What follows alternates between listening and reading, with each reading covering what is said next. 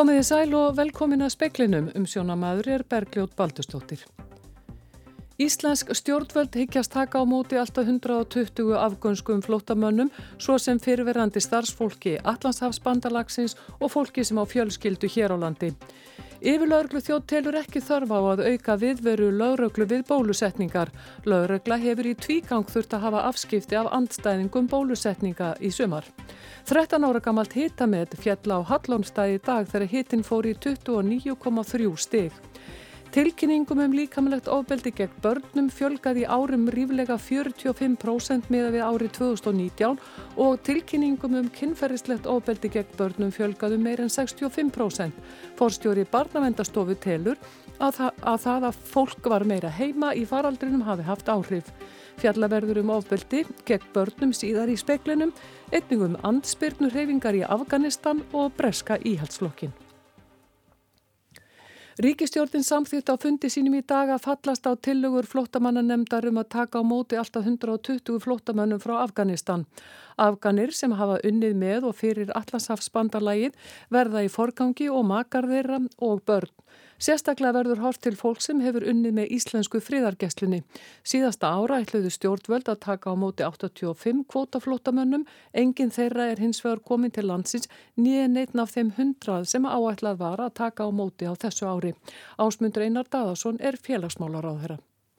Það er aðstæður sem hafa verið vegna koronaviru faraldursins hafa haft áhrif á þetta og, og menn eru að gera það sem geta til þess að flýta slíku og ég bind vonið við það að það geti gengið.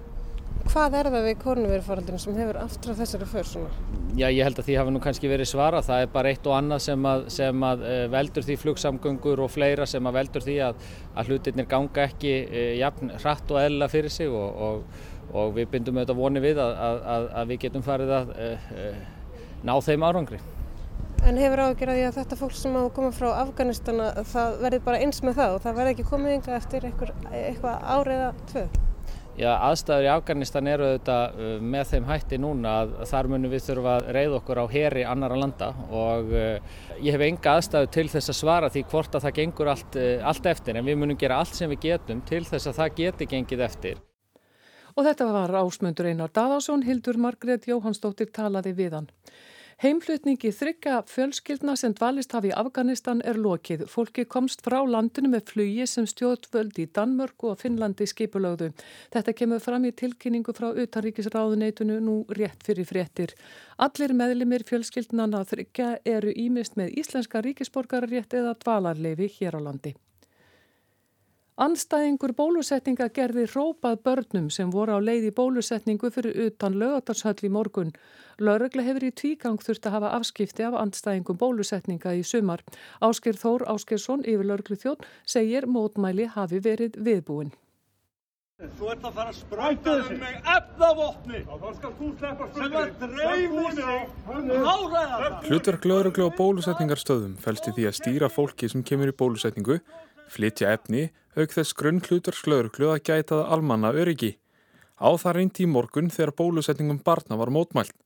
Áskeir segir laurugluna ekki hafa áhyggjur af uppákomum sem þessari.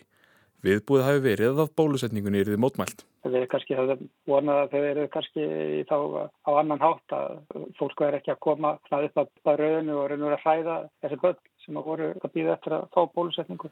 Hann telur ekki þurfa að viðvera lauruglu við bólusetningar verði aukin eftir mótmælinn. En, en það er vissilega verið þetta bara mjög ofilegt að, að fólk skul ekki skoða heldarmyndina og eh, farið þetta alveg upp að rauðinu eins og var í morgun og, og vera öskrand á börnum. Það er bara ekki, ekki til fyrirmyndar fyrir einhvern sem er að mótmæla. Nokkuð hefur borðið á gaggrinni og aðgerir lauruglu frá anstæðingum bólusetninga eftir atvíkin. Ásker segir lauruglun að sjálfsögðu bregðast við ef mótmæli raski allsherja reglu. Við getum ákveðið og sett fólk í stað ef, ef það vil vera með mótmæli og við strax sjálf, sjálfsögðu við því ef að mótmælinu er orðið með þeim hætti að e, raska bæði bara alls eða veglu almanna öryggi og gera fólk hrætt. Sagði Ásker Þór. Áskersson, Andri Magnús Eistensson tók saman. 13 ára gamalt hitamett fjalla á Hallónstað í dag þegar hitin fór í 29,3 stig.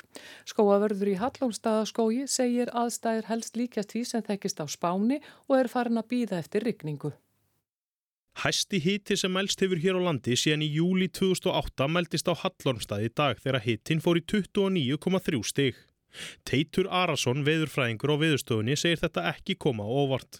Við áttunum reyndar vonaði að, þessi hiti myndi mælast á morgun en síðan hins vegar þá er mjög hlýl loftmassa yfir landinu bæði í dag og á morgun en hins vegar í dag er heilt yfir eh, skíjað á stórum hlutar landsins en hins vegar hefur verið gati í skíjahöluna þarna yfir innsveitunum á Östurlandi og, og þarna Hallandstað er búið að skína sóli í allan dag og, og búin að vera bara lokkmólla og sólinn er búin að ná að hitta þetta loft sem var fyrir mjög hlýtt. Bergrún Arna Þorsteinsdóttir, aðstóðar skóarvörður í Hallormstað, er þrátt fyrir blíðuna farin að býða eftir góðri rigningu. Þetta er í raunin bara eins og að vera út á spáni, sko. Nú er spáð áframhaldandi hlýjendum og jápil enn hlýra á morgun. Hvernig listir það? Manni líst þetta bara vel á það, en uh, maður er þetta bara sættur í skógin. Það er þetta eldhætta í skóginum og, og, hérna, og þuskus. Ef þetta stendur í marga daga. Hitametið á Íslandi er 30,5 gráður á teigarhortni í Berufyrði 22. júni árið 1939. Teitur segir mögulegt að það met falli á morgun. Ég myndi nú segja að það sé líklegast að, að hamasveitin á morgun verði 28,9 gráður. Það er smávegis möguleiki á, á einhverjum stað gangi allt upp og, og, og hitin ná að gæjast herra. En, en mér finnst það ekki líklegt, en það er smá möguleiki á því samt sagði Teitur Arason, Óðinsvan Óðinsson ræti við hann og Bergrúnu Örnu Þorsteinsdóttur. Charlie Watts, trommarið Rolling Stones er látin 80 ára aldri, að aldri. Útgefandi hans staðfesti þetta nú síðdegis. Watts dróð sig út úr tónleikaferðalagi sveitarinnar um bandaríkinni byrjun mánadarins eftir að hafa gengist undir aðgerð. Talsmaður sveitarinnar sagði þá aðgerð hafa gengið á óskum en Watts styrti tíma til að jafna sig og ná fyrir styrk. Watts hafði þá ekki mist af tónleikum með sveitinni síðan hann tók við trimbilslutverkinu í janúar 1963. Hér að saksóknari hefur gefið út ákjæri á hendur manni fyrir að ógna tveimur mönnum með hlaðinni skambissu í húsnæði samhjálpar við borgartúni í lókjúni. Honum er einnig gefið að sög að hafa beint skambissunni að fjórum lauruglumönnum og þannig ógna þeim við skildustörf. Þá er hann sagður hafa dreyið skambissuna, ítrekkað upp á leiðsynni frá borgartúni að sæbraud og beint enn í ymsar áttir þar sem vegfarendur áttur leiðum. Landsréttur staðfesti í vikunni áframhaldandi gæstluvarfaldi við manninum. Hann er til rannsóknar fyrir fleiri brot hjá lauruglustjóranum á höfuborgarsvæðinu. Akureyrar bær mun í haust innrita 12 mánuða gömul börn í leikskóla í fyrsta sinn. Foreldrar yngri barna þurfa þó að greiða hærra, hærrig dag gæslu gjöld fyrir leikskólaploss. Eftir að fæðingar orlof lengdist í 12 mánuði ákvaðu bæjar yfirvöld að hægt er það innrita árskumul börn á leikskóla. Flest verða börnin tekin inn á nýja leikskólan Klappir sem opnar innan skams. Yngibjörg Óluf Ísaksen, formaður fræðslurás Akureyrarbæjar, segir markmi bæjarins að verið að brúa bylið millir fæðingarorlofs og leikskóla. Það sem vekur aðtikli er að önnur gjaldskrá gildi fyrir börn fætt í júni 2019 eða setna. Leikskólagjöldin fyrir yngstu börnin er 10% herri heldur en fyrir eldri börn. Þessi kostnarauki marka samt sem áður fyrst og fremst á því að færri tólmannagölu börn eru hjá hverjum kennara og svo þurfa þau líka sérhafðari aðstöðu og meira rými. Ingiburg segir að bæjarstjórn hafi samhljóða ákveðið að forgangsraða fjármönnum með þeim hætti að bjóða börnu sem áður áttu kost hjá dagforöldurum plás á leikskóla. En kostnarbæjarins við leikskólatvöld barna er herri og tölvast herri heldur en tvöld hjá dagfóldrum og er jáfnframt líka mun herri fyrir yngri börn en þau eldri. Fóreldra greiða hins vegar lagra gjald fyrir leikskólaplás heldur en fyrir tvöld hjá dagfóldri. Niður greiðsla bæjarins hafi þó í vissum tilveikum verið herri til fóreldra barna í gæslu hjá dagfóreldurum. Ingiburg segir að leikskólagjöld sé sífældir endurskoðun og það er líka við um þessa álagsaukningu. Þessi ákvörðum verður alveg endurskoðu líka ef hún verður tekinn lumraðu, staðverið metin sagði Yngibjörg Ólaf Ísaksen, Anna Þorbjörg Jónastóttir talaði við hana.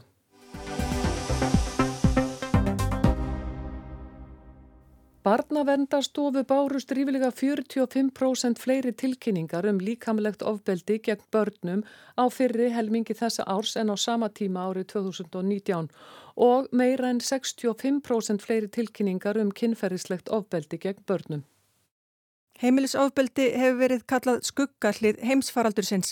Aðal framkvæmdistjóri saminuðu þjóðuna hefur talað um faraldur ofbeldis gegn konum en sem dæmi má nefna að í Pakistan fjölgaði tilkynningum um heimilisofbeldi um 200% eftir að faraldurinn skall á.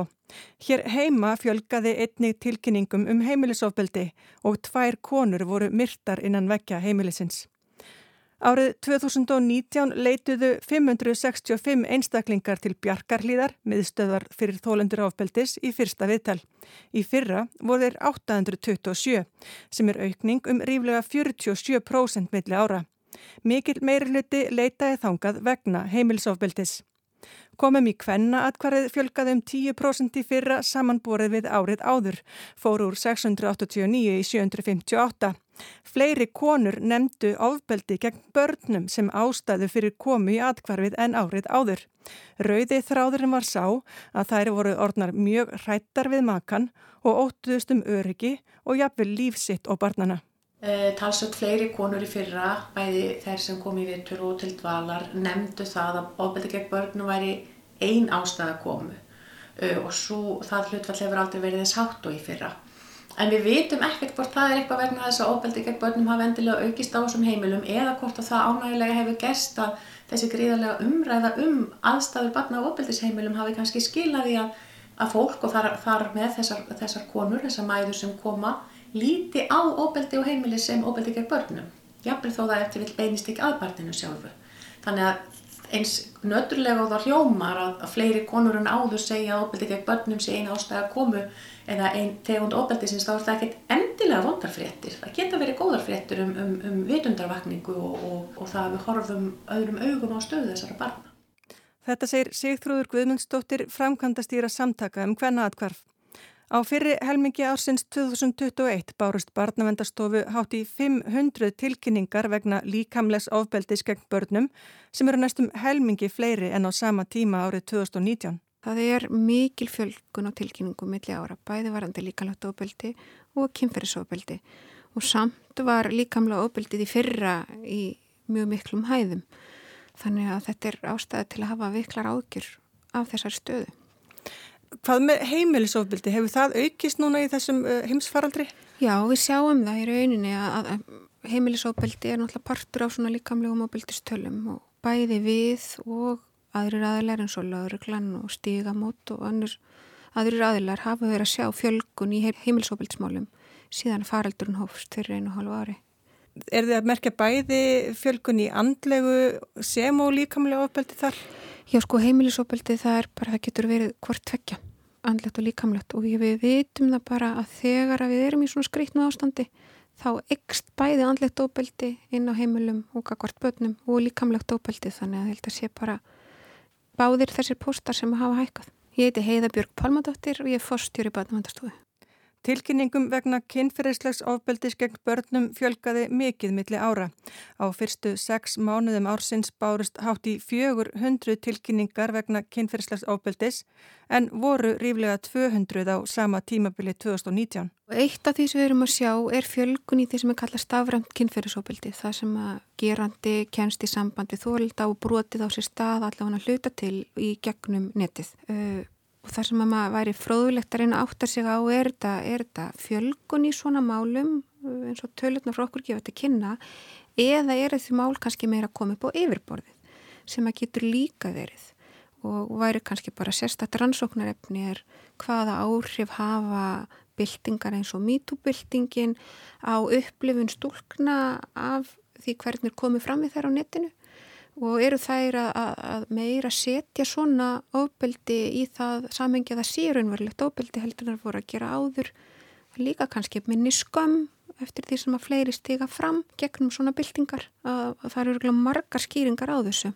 En eitt partur af þessu aukna staf, stafræna er örglega tengt því að fólk var meira heima hjá sér í faraldrum og hefur verið meira heima og þá er þetta orðin vinsalli brotavettvangur heldur hann var áður og auðvildlega til að ná til barna.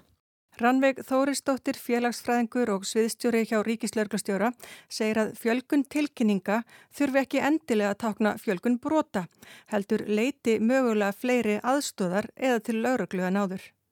Kanski eru líka þessi mál það meira að koma upp á yfirborði og við sjáum það til dæmis eh, í þólandakonunum hjá okkur þar sem við spyrjum einstaklingar sem hafa orðið fyrir heimilsóbildi og kynferðsóbildi hvort er hafi tilkynnt brotið til lauruglu. Þar sjáum við bæði fjölgun í þeirra sem segjast tilkynna til lauruglu og einni kannski fjölgun þeirra, meðal þeirra sem að líta málið alvarlegum augum.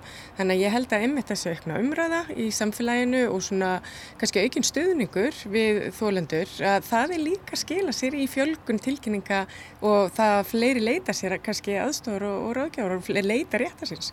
Óttastu svona að þegar við lengra erum garð gengið að þá munum við fara að sjá kannski þessar byrtingamindir heimilisofbildis koma upp setna?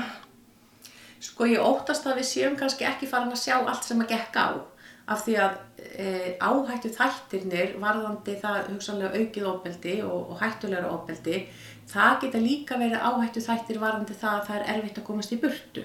Þannig að, að hérna, til dæmis einogrun og streyta og, og afkomu áhyggjur og, og, og þung umunanberði barna því að þau eru kannski ekki, hérna, eru alltaf heima á slikt. Það er oft þannig að kannski þegar að uh, svona, segja, stóra samfélagslega breytingar eiga sér stað að þá koma áhrifin ekki fram fyrir en kannski árum og jafnvel áratugum síðar.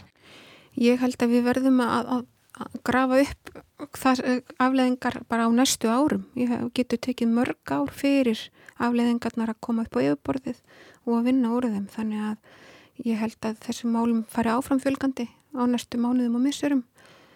Og líka bara með aukin umræði samfélaginu þá heldur þessum málum alltaf áfram að fjölga. Þannig að þetta helst í hendur. Þannig ég held að það sé tölvert í það að við sjáum kannski toppin á þessum málum því miður einhver sem er að hlusta uh, og hefur grunum að barn sé að verða fyrir uh, ofbeldi, heimilisofbeldi, kynferðsofbeldi, einhvers konar ofbeldi, hvað ætti svo einstaklingur að gera? Tilkynandi barnavendar og þá er það barnavendar nefndin í því sveitarfélag þar sem barni býr. Þá er alltaf að hafa samband við barnavendi gegnum einnið tvirr. Og þetta var Heiða Björg Pálmádóttir, áður heyrðist í Rannvegu Þóristóttur og Sigþrúði Guðmundsdóttur. Alma Ómósdóttir tók saman. Og þá snúum við okkur að andspyrnur reyfingunni í Dal Ljónana 5. Framan við törlega grafísið er stærðar tork. Þar kemur fólk saman einu sinu á ári og beður fyrir því að sá sem í grafísinu kvílir sé í paradís. Grafísið er við borgina Basarak í norðausturluta Afganistans. Það á sér ekki langa og merka sögu, er ekki margra alda gamalt, það er ekki einu sinu orðin 20 ár frá því að það var reist því að sá sem þar kvílir er Ahmad Samasud, ljónið frá Pansýr, þjóðhetja Afgana. Pansýr er 1.34 héraða Afganistans og það eina sem ekki er á valdi Talibana. Það sem meira er, Pansýr hefur aldrei verið á valdi Talibana, ekki heldur þegar þeir fóru með völdi í landinu um aldamótin og ekki náður sovjetmenn Pansýr heldur á sínum tíma. Ljóninu frá Pansýr, Ahmed Samasud, er þakkað fyrir það. Hann var verkfræðingur, fættur í Basarak í Pansirdalnum árið 1953. Hann varði dalensinn í stríðinu gegn sovjetmönnum þegar þeir herjuðu á Afganistan á árunum 1979 til 1989. Ræjum af gömlum sovjetskriðdregum hefur verið lagt við torkið hjá grafísi hans. Það er kannski hans raunverulegi minnisverði.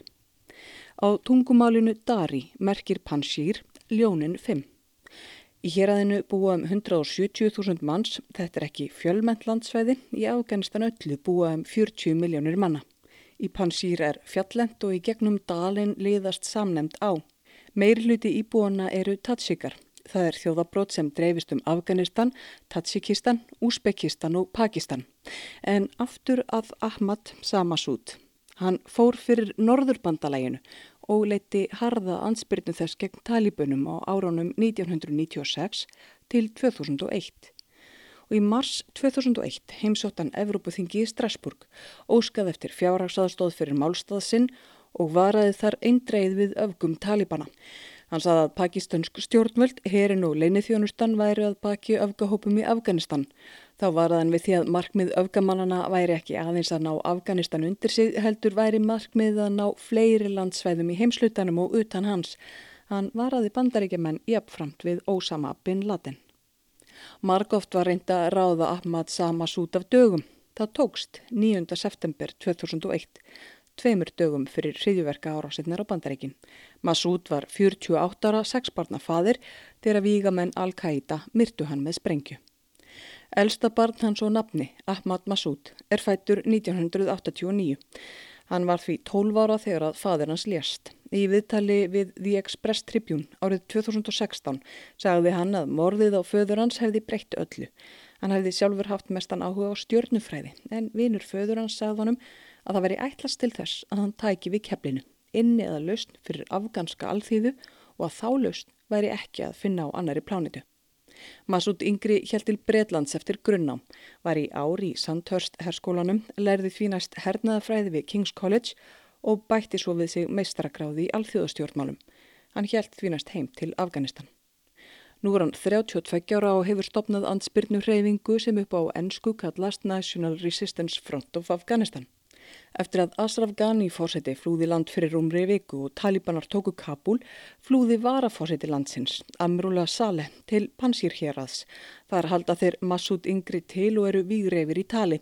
Varafórsetin tilur sig rétt kjörinn fórseta eftir að Ghani flúði og Massoud Yngri fullir þeir að mörg þúsund manns séu tilbúinir að berjast undir merkjum anspernu reyfingar hans. Í opnu brefi sem Massoud skrifaði og Washington Post byrti fyrir viku segir hann að það sé mikið til í vopnabúri ansbyrnuhrefingarinnar. Allt frá því að fadir hans var ráðin af dögum hafi menn sankaðað sér vopnum og skotfærum, vitandi að sá dagur geti komið að þeir þyrtu á þeim að halda. Þá hafi almennir borgarar og menn úr stjórnarhernum og sérsveitum svarðakalli hans og komið til Pansýr með vopn sín og gengið til liðsver hefinguna. Ráðist talibanar til atlugu muni ansbyrnurhefingin berjast af alefli en það sé ekki nóg. Hreyfingin þurfi aðstóð vina sinna í vestri. Þeir þurfi að tala máli afgana fyrir stjórnvöldum í Washington, í New York á bandaríkjaþingi, í Lundunum þar sem hann sjálfur lærði og í París þar sem stígur í sjánsýli segarðinum er nefndur eftir föður hans. Massoud Eldri var franskumælandi. En Massoud Yngri fullir þeir í greininni í Washington Post að miljónir afgana deili gildum með vesturlandabúum. Þeir hafi barist lengi fyrir opnið þjóðfélagi þar sem að stúlkur geti orðið læknar, fjölmiðlar verið frjálsir, unga fólki dansað, hlusta á tónlist og hort á fótbolta á leikvengum sem talibanar notuðu eitt sinn fyrir ofinberrar aftökur og væru vísir til að gera aftur. Hvað sem gerist muni ansbyrnur hefing hans berjast en það vanti fleiri vopn, skotfæri og meiri vistir. Hann líkur opna brefinu á ákalli til Ameríku og bandamanna og segir svo að það sé margt sem þeir geti gert til þess að styðja málstað frelsesins og klikkir út með því að segja þið eruð okkar eina von. Viðbröðin ekki mikil í það minnst ekki ofinberlega. Ali Maisam Nassari, sá sem fer fyrir erlendum samskiptum í ansbyrnurhefingunni, sagði við tali hjá Newsday í Breska ríkisútvarpunni í morgun að Pansýr væri örugt og varið og myndi á að undanfarna fjóra áratugi hafi enginn getað herrtekið dalinn. Hann segir að hópurinn vilji heldur sem ég friðan berjast en að ansbyrnurhefingin sé ekki tilbúin að fórna líðræði og réttindum borgara fyrir stöðuleika. Hann segir að óformlegar viðræður við talibana séu í gangi En það má velta vöngum yfir því af hverju talibanar sem verðast hafa tögl og haldir allstaðar annar staðar í landinu ættu að vilja semja. Jú, segir Nassari, af því að ansbyrnan getur breytt úr sér eins og dæminn sanna frá 1996 þegar talibanar höfðu náð megninu af Afganistan undir sína stjórn en norðurbandaleginu og smám saman ásmegin. En nú keppast bandamenn við að koma sér og sínum frá Kabul og í kappi við tíman. Spurður hvort einhver erlend ríki hafi sínt áhuga á að veita aðstóð nú var fátum svör hjá Ali Maisam Nasari, talsmanni ansbyrnirhefingarinnar í Panshir hýraði í norðaustur Afganistan. Ragnhildur Torlasíu sæði frá.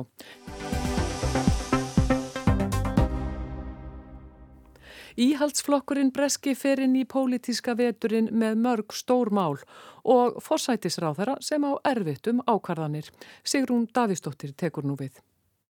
Saga ríkistjórnar Borisa Johnsons forsætisráðara breyta er saga breyttra áætlana í smá og stóru. Hann hætti við Sigur Skatt sem átt að hjálpa þjóðinni að hemja holdarfarið. Markbóðaðri ríkistjórnar uppstokkun frestað fram á vetur í vonum að veirufaraldrinum hafi þá slotað og alþjóðlega lofslagsráðstefnan sem brettar leiða afstæðin. Eitt lærdómurinn af COVID-faraldrinum er að skjótt skipast veður í lofti, kannski óvænt mál sem ræna pólitísku aðteklin í vetur en vissulega nokkur augljósmál þessa stundina. Brettar er ekki búin að býta úr COVID-nálinni, bólusetning eldri aldurshópa gekk vel en nú er áberandi erfitt að fá ungt fólk til að sinna bólusetningu. Spurningin er því hvernig eigi að skapa þar hvata og svo nýta bólusetningu til að gera fólk örugara á mannamótum. 19. júli átt að vera frelsistagurinn mikli, frelsi í Englandi frá öllum COVID-hamlum. Forsætisráð þeirra hjælt frelsisræðuna í sóttkví eftir að hafa fundað með veirusmituðum heilbreyðsráð þeirranum Satji Djavid. Í viðbót við að hvetja ungt fólk til að láta bólusetja sig Aðeins 35% fólks á aldrinum 18 ára til 30 hafi þá látið bólusittja sig. Nýtti Johnson á að í lok september yrðu nætuklúpar og aðrir fjöldasamkomustadir skildaðir til að fara fram á bólusetningarskýrtinni, digð ekki að sína vottorð um jákvæða skimun.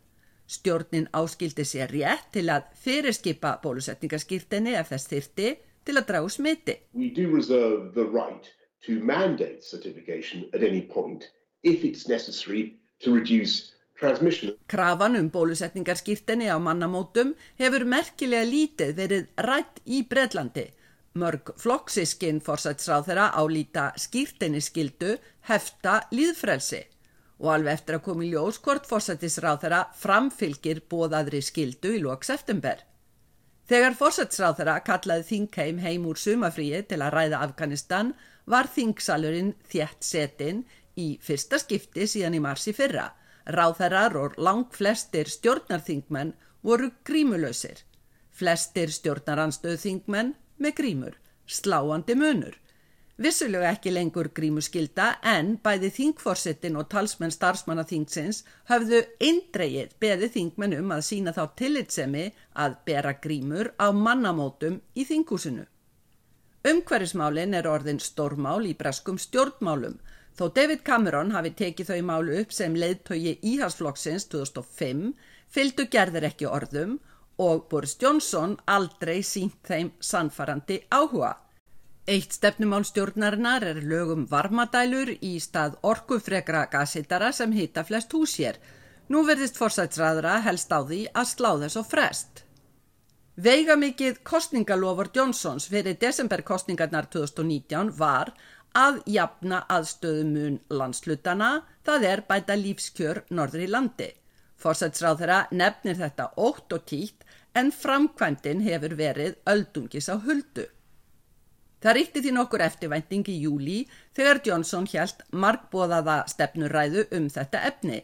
Það væri rétt að draga úr miklu mun á lífslíkum eftir landslutum líka jafna mun varðandi samgöngur og hilsufar. Not just because that is morally right, but because if we fail, then we are simply squandering vast reserves of human capital and we're failing to allow people to fulfill their potential and we are holding our country back. Þetta væri ekki aðeins seðferðilega rétt, heldur hindraði líka sóun mannauðs, hjálpaði fólki að nýta hæfileika sína og listi landið úr læðingi, sæði fórsætsráð þeirra. Hann lofar viðsnúningi á kjörtímabilinu. En ræðan skýrði fátt, lítið félagt í þetta og, sem horfir, ólíklegt að kjósendur fyrir norðan skinji mikinn mun næstu árin. Johnson talar yðurlega eins og íasflokkurinn hafi fyrst komið í stjórn 2019 þegar hann sjálfur tók við stjórnantaumunum. Í raun er flokkurinn búin að vera við stjórnvölinn frá 2010, ábyrðin á undanförnum áratug því á flokkskonunni þá einnig aðstöðumunurinn eftir landslutum. Samband landslutana fjögra, Englands, Skotlands, Wales og Norðrýrlands er viðvarandi umræðuefni. Í Skotlandi er sterk sjálfstæðisreyfing, á Norðrýrlandi gamal gróin reyfing sem stiður saminningu við Írska líðveldið. Öflugasta leiðin til að jafna landslutamunin væri að auka enn sjálfstjórn landslutana. En það geti hins vegar styrt sjálfstæðisreyfingar og grafið enn frekar undan samhældni Bredlands, jafnvægið vand fundið. Og svo er það Brexit sem fórsætsráþara kláraði með útgöngu breyta úr Evrópusambandinu í árslóki fyrra og þó ekki. en margvíslegur Brexit-vandin, nú síðast mannekla í matvælavinslu og óleist Brexit-mál á Norðurírlandi og fórsætsráðra en að reyna að útskýra breska utaríkistefnu utan ESB eins og deilurnar um brottkvarf breyta frá Afganistan sína svo glögglega. Fleira er ekki í speklinum í kvöld. Tæknimaður í útsendingu var Jón Þór Helgason. Verði sæl.